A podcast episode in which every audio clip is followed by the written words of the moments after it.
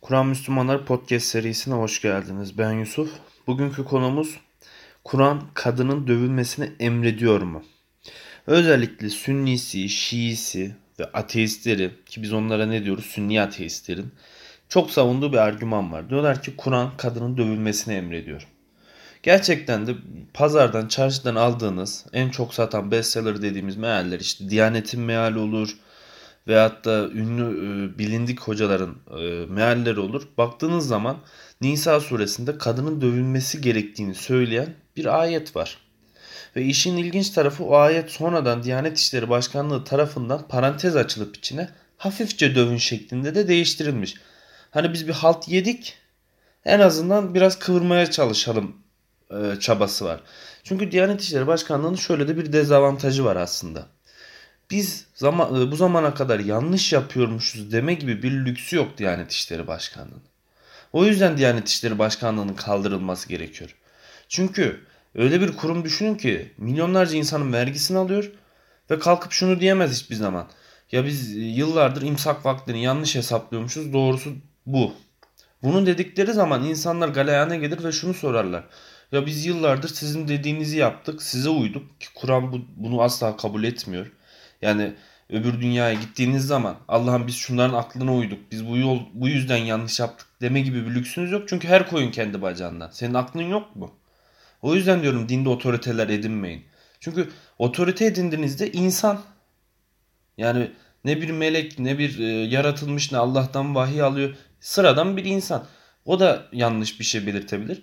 İşi şurayla belirleyeceğiz. Yani o fikrini söyler, bu fikrini söyler. Ayet orada sen okursun. Sen ne anlıyorsan din odur. Daha doğrusu senin anladığın şekilde dini yaşaman lazım. Din değişmiyor. Yanlış söyledim. Din sabittir. Allah'ın şeriatı yeryüzünde her zaman hakimdir. Siz ne yaparsanız yapın. Şimdi bugünkü konumuzda kadın aslında kadına yapılan haksızlık veya kadının ötekileştirilmesi İslam'la falan başlayan bir süreç değil. İnsanlık tarihi kadar eski bir süreç erkeğin e, kadından e, fiziksel olarak, biyolojik olarak daha güçlü olması, daha üstün olması yüzünden kadın hep bir ezilen, hor görülen taraf alıyor. Çünkü bu insanın psikolojisidir. Özellikle başarısız erkeklerde kadını ezme içgüdüsü daha yüksektir. Çünkü gücü ona yetiyor. Patronundan laf işitir. Çevresindeki insanların ona kötü bakışlarına maruz kalır. Toplum tarafından saygı duyulmuyordur. O aradığı eziklik duygusunu da Evde gelir gariban kadına bağırıp çağırıp döverek ondan gücünü hıncını çıkartarak alır. E şimdi sen bir de bunu dini olarak arkana alırsan e bana Allah bunu hakkını verdi. Allah bana bunu emretti dediğin zaman senden daha iyisi senden daha haklısı olmuyor. Ayet bunu da söylemiyor. Buna da geleceğiz. Ama insanlık tarihinde bu kadının mesela ezilmesini çok eski bir örneğini vermek istiyorum. Mesela Antik Roma'da daha doğrusu Yunan mitolojisinde bir görüş vardır. Kadının nasıl yaratıldığını anlatır bu e, mitolojik hikaye. Prometheus Zeus'tan gider ateş çalar. Gizlice bu ateşi de insanlara verir. Zeus da Prometheus'a kızar. Der ki sen benden habersiz nasıl gittin insanlara ateş verdin. Şimdi Kur'an diyor ya eğer Allah bir tane olmasaydı onların arasında bir güç savaşı görürdünüz diyor. Hani kim hakim olacak diye. Çünkü Atıyorum e, yağmur tanrısı onu istiyor. E, diğer tanrının işine gelmiyor. O farklı bir plan yapıyor. Birbiriyle çelişiyorlar. Ve orada bir güç savaşı olurdu. O yüzden bir tek tanrı e, çoklu tanrı dini inancına göre çok daha mantıklı ve makul olandır. Yani bir köyde iki muhtar olmaz hesabı. Şimdi Prometheus insanları ateşe verince Zeus sinirleniyor ve Prometheus'u alıp Kafkas dağlarına yanına bir kartal koyuyor. Onu da oraya bağlıyor Prometheus'un her gün kartal gelip ciğerini yemeye başlıyor ve onu orada işkence ediyor o kartal. Ciğeri sürekli yenileniyor anlatılan hikayeye göre. O sürekli devam ediyor. Herkül de bunu duyuyor, üzülüyor. Çünkü Herkül yarı insan. İnsanlara karşı da bir sempatisi var. Sırf insanlara iyilik yapıldığı için Prometheus'un işkence görmesine razı olmuyor. Herkül'ün sırtına biniyor hop Kafkas dağlarına gidiyor ve oradan Prometheus'u kurtarıyor. Şimdi Zeus bırakıyor artık peşini bu olayın ama bu sefer de insanlara kızıyorsa garibim insanda bir suçu yok. Bir tane tanrı gelmiş ben size ateş getirdim diye e, insanda yok mu desin tamam diyor. İnsanlara sinirleniyor bizim Zeus da. Zeus da diyor ki madem öyle ben insanlara diyor bir kötülük vereceğim. O kötülük de kadın. Evet. Pandora'nın kutusu dediğimiz yani kötülüğün içinde bulunduğu dediğimiz kutunun içinden aslında çıkan e, balçıktan yapılma ve Zeus'un ona can verdiği ki bu tanıdık gelmiştir balçıktan yaratılma hikayesi. Kadın gelir. Ve e, Yunan mitolojisine göre ilk kadının adı da Pandora'dır. Pandora aslında insanlığı cezalandırmak için gönderilmiştir. Yani kadın. Ve Yunan'da bu görüş o kadar hakim ki bir dönem Yunanlar e, antik Yunan'da Yunan'da e, kadınlarla ilişkiye girmek ayıp. Öyle bir sapkın dönemleri var Yunanlıların. Sokakta sevişildiği, e, her türlü ensest ilişkinin yaşandığı, e, sübyancılığın olduğu ve eşcinselliğin daha normal, kadınlarla ilişkiye girmenin ise anormal ve kötü bir şey olduğu bir süreç var. Bunda cinsel tercihleri veyahut da gay oldukları için yapmıyorlar. Adamların görüşü şu. Ben erkeğim, üstünüm. Ben kimim ki bir kadınla ilişkiye gireceğim? Zihniyet bu. Yani kadına ben cinsel olarak yani bu sanki hayvanla sevişmek gibi bir algı var o zaman e, Roma şey Yunan halkında. Ve bu tarih boyunca farklı kültürlerde, farklı toplumlarda, farklı dinlerde hep tezahür etmiş. Çünkü insanoğlunun e, ezikliğini gidermesi, bastırması için bir kas sistemi lazımdır. Bu tarih boyu bugün de vardır kas sistemi. Bakın mesela şeye e, Hindistan'a Hindistan'da hala o kas sistemi gizliden hani resmi değildir. De facto olarak devam eder. Sen fakir doğduysan Hindistan'da zengin olarak ölmen mucizedir. Türkiye'de öyle değildir mesela ya da Amerika'da. Amerika'da e, ya da mesela Steve Jobs. Steve Jobs dediğiniz adam Suriye'de e, bir evlatlık çocuk. Şu an dünyanın e, yaşadığı dönemde en zengin insanlarından biriydi. Ama mesela Hindistan'da öyle bir şey mümkün değildir. Sen fakir doğduysan fakir ölürsün. Zenginsen zengin ölürsün bir kas sistemi vardır. İslam bunu yıkmaya gelen bir din. Yoksa Jennifer Lawrence'ın bu oynadığı açlık oyunlarındaki bir dünya tahayyül ettiğiniz zaman işte bir ütopya, işçiler sınıfı, e, bürokratlar sınıfı, ondan sonra mühendisler sınıfı, ta, e, doktorlar sınıfı böyle bir şey İslam kabul etmiyor. Onu yıkmaya geliyor. Ve bu aile içinden başlıyor. Ben babayım, erkeğim. Ben kadından üstünüm. Kadın diyor ben anayım. Çocuklarımdan üstünüm. Çocuk e, evindeki evcil hayvanda ben insanım sen hayvansın ben senden üstünüm. Bu böyle zincirleme devam ediyor ve yukarı doğru da bu zincirleme reaksiyon devam ediyor. Bu sefer o erkeklerin başına ben sizin şefinizim diye geliyor. Diğeri geliyor ben sizin efendinizim. Ben diyor sizin ağanızım. Ben senin şöyle başkandım. Ben senin şöyle liderinim. Ben senin çobanıma kadar gidiyor mesele. Evet son bir tane çoban oluyor hani uydurulmuş bir hadis vardır. Peygamber haşa insanlara ne demiş? Hepiniz birer çobansınız. Güttüğünüzden sorumlusunuz. Kur'an ne diyor? Herkes kendinden sorumludur. Yani peygamber Kur'an'la aslında çelişen bir söz söylediğini iddia ediyorlar. Şimdi beni asıl üzen nokta şu. Allah bu durumu düzeltmek için bir sure indiriyor ve Kur'an'da en uzun surelerinden birisi. Ortalamanın üzerinde uzunlukta bir sure. Adı da Nisa suresi. Şimdi Nisa Arapça kadın demek. Allah kadın diye bir sure indiriyor. Sure boyunca kadın haklarından bahsediliyor. Ama ateistler ve sünniler ateistin şöyle işine geliyor. Bakın kadın hakları yok demek için o ayetleri cımbızlıyor veyahut da tahrif ediyor. Sünni de ben kadından üstünüm diyebilmek için o ayetleri cımbızlıyor veya tahrif ediyor. Halbuki baktığınız zaman erkeğin avantajlı olduğu noktalar var, kadının avantajlı olduğu noktalar. Çünkü ikisi e, birebir aynı şeyler değil. Arasında DNA farkı bile var. Yani %3'ün e, belki üzerinde DNA farkı olması lazım bir kadınla bir erkeğin arasında. E şimdi erkeğin fiziksel durumu ortada, kadının fiziksel durumu ortada. Bunlara nasıl aynı yükümlülüğü verebilirsiniz? Ki Kur'an'a baktığınız zaman mesela zina suçunun erkeğin cezası iki katıdır ya da savaş durumunda savaşmak erkeğe farzdır, kadına farz değildir. Evlenileceği zaman erkeğin kadına mehir vermesi erkeğe farzdır, kadına değildir. Veyahut da boşanma işlemi olduğu zaman erkeğin kadına nafaka vermesi farzdır. Ama kadının erkeğe nafaka vermesi farz değildir. Erkek birçok noktada hak olarak dezavantajlı durumda. Bir sürü ekstra sorumluluk bindirilmiş ve kadına e, koruyup kollama görevi verilmiştir. Hepsinde ötesinde. Ama bu ayetleri biz alıp cımbızlamaya veyahut da anlamlarını bozmaya çalıştığımız zaman istediğini çıkartırsın. Yani bu feminist de yazsa bu kitabı haşa ben yine de buradan ayıklarım, cımbızlarım, bükerim, yamulturum. Derim ki bu kitap kadınlara bir hakaret kitabıdır derim. Şimdi Kur'an'da mesela kadının şöyle iddia ederler. Kadının iki şahitliği gerekir.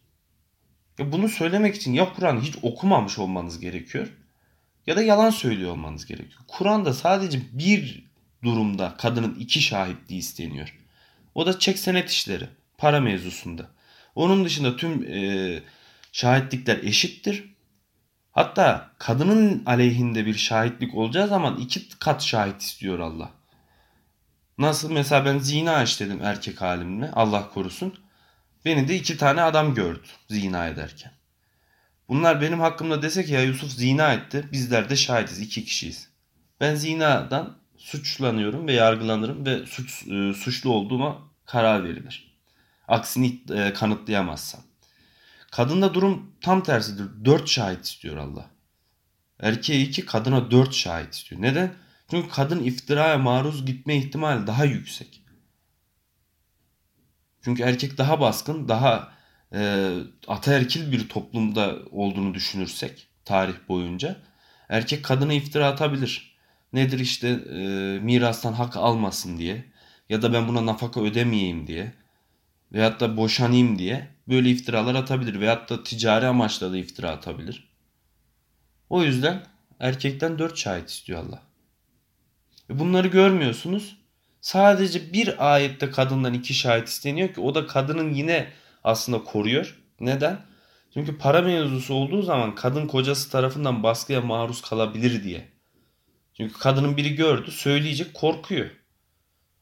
Kocası ona baskı yaptığı zaman zaten Allah niye iki şahit istediğini de söylüyor. Biri unutursa diğeri onu hatırlatsın diye. Şimdi sizi yaratan sizin durumunuzu sizden daha iyi biliyor merak etmeyin. Sizin e, zaaflarınızı, eksiklerinizi, avantajlarınızı, dezavantajlarınızı ve size özel muamelede bulunuyor. Bugünkü aslında modern toplumda da aynısı yapılır. Kadına pozitif ayrımcılık yapılır birçok noktada. Niye eşit davranırsak kadının hakkını elinden almış olursun. Kadına haksızlık yapmış olursun. Kadın kalkıp desen ki o zaman biz de eşitiz. Kadınlar hadi gitsin askeri olur mu? Kadının farklıdır, erkek farklıdır. İkisi Allah katında eşittir. Allah ne diyor? Kadın erkek hepinize yaptığınızın karşılığı verilecektir. Ama dünyevi işlerde hak ve hukuk bakımından erkeğin bazen dezavantajlı olduğu durumlar olur. Bazen erke- kadının dezavantajlı olduğu durumlar olur. Yoksa kim kimle evlenirken hangi kadın kocasına mehir veriyor? Erkek mehrini ödüyor. Nafakasını ödüyor. Bir sürü üzerine bindirilmiş ekstra yük var. E bunlar hiç konuşulmuyor. Bunlar göz ardı ediliyor. Bunları e, görmüyoruz. İşte kadını dövün diyormuş mesela. Korkunç bir iddia. İddianın geldiği kelime kökeninde şu. Şimdi e, ayeti hatırlayalım. E, ayet şunu anlatıyor aslında. İlk önce ben onu söyleyeyim. Ayetin anlattığını anlatayım size. Atıyorum siz evlisiniz. Karınız sizden hoşlanmıyor. Boşanmak istiyor. Artık eskisi gibi size farklı duygular beslemiyor. Olabilir. Evlilik, insan, duygular değişebilir. Sonuçta e, Hristiyanlık gibi boşanmanın yasak olduğu bir din de değiliz. Ortodoks da değilsin. İslam hukukuna göre insanlar boşanabilir. Bununla ilgili zaten bir sürü teferruat, mevzuat Kur'an'da anlatılıyor. Bekleme süresi var bunun. E, boşandıktan sonra kadına maddi manevi desteği var. Top, eğer kocası ölürse toplumun ona yapması gereken maddi destekten bahsedilir. Bir sürü konu anlatılıyor. Şimdi kadından boşanacağın zaman ya da daha doğrusu kadın seni artık istemediği zaman Allah ne diyor? Bir, onlara nasihat edin. Yani diyeceksin ki kadına ya kadın etme eyleme bak yuvamız var, çoluğumuz var, çocuğumuz var. Misal. Bu şekilde kadına önce nasihat edin diyor Allah. Nasihat ettin kadın vazgeçmedi. Hala sana karşı şey e, bir durumda, negatif bir pozisyonda. Yataklarınızı ayırın diyor Allah. Yani çünkü kadın seni istemiyor. Yatma onunla diyor. Hem de bu kadına bir aynı zamanda gözdağıdır. Hani cinsellik açısından da kadını biraz uzaklaştığın zaman hani kaçan kovanılır mantığı da var bence. Çünkü kadın belki sonradan fikri değişecek ki ayetin zaten sonunda onu söylüyor. Yataklarınızı ayırdınız. Kadının zaten gönlü yok sende olmaya. yatağına ayrıldıktan sonra onları bir mühlet orada tutun diyor. Yani ayrı bırakın diyor kendi. Onun yanına gitmeyin, yanaşmayın, yatağına sokulmayın kadına. Şimdi burada tutun kelimesini ya da orada durdurun, oraya sa- e, sabitleyin şeklinde de çevirebiliriz.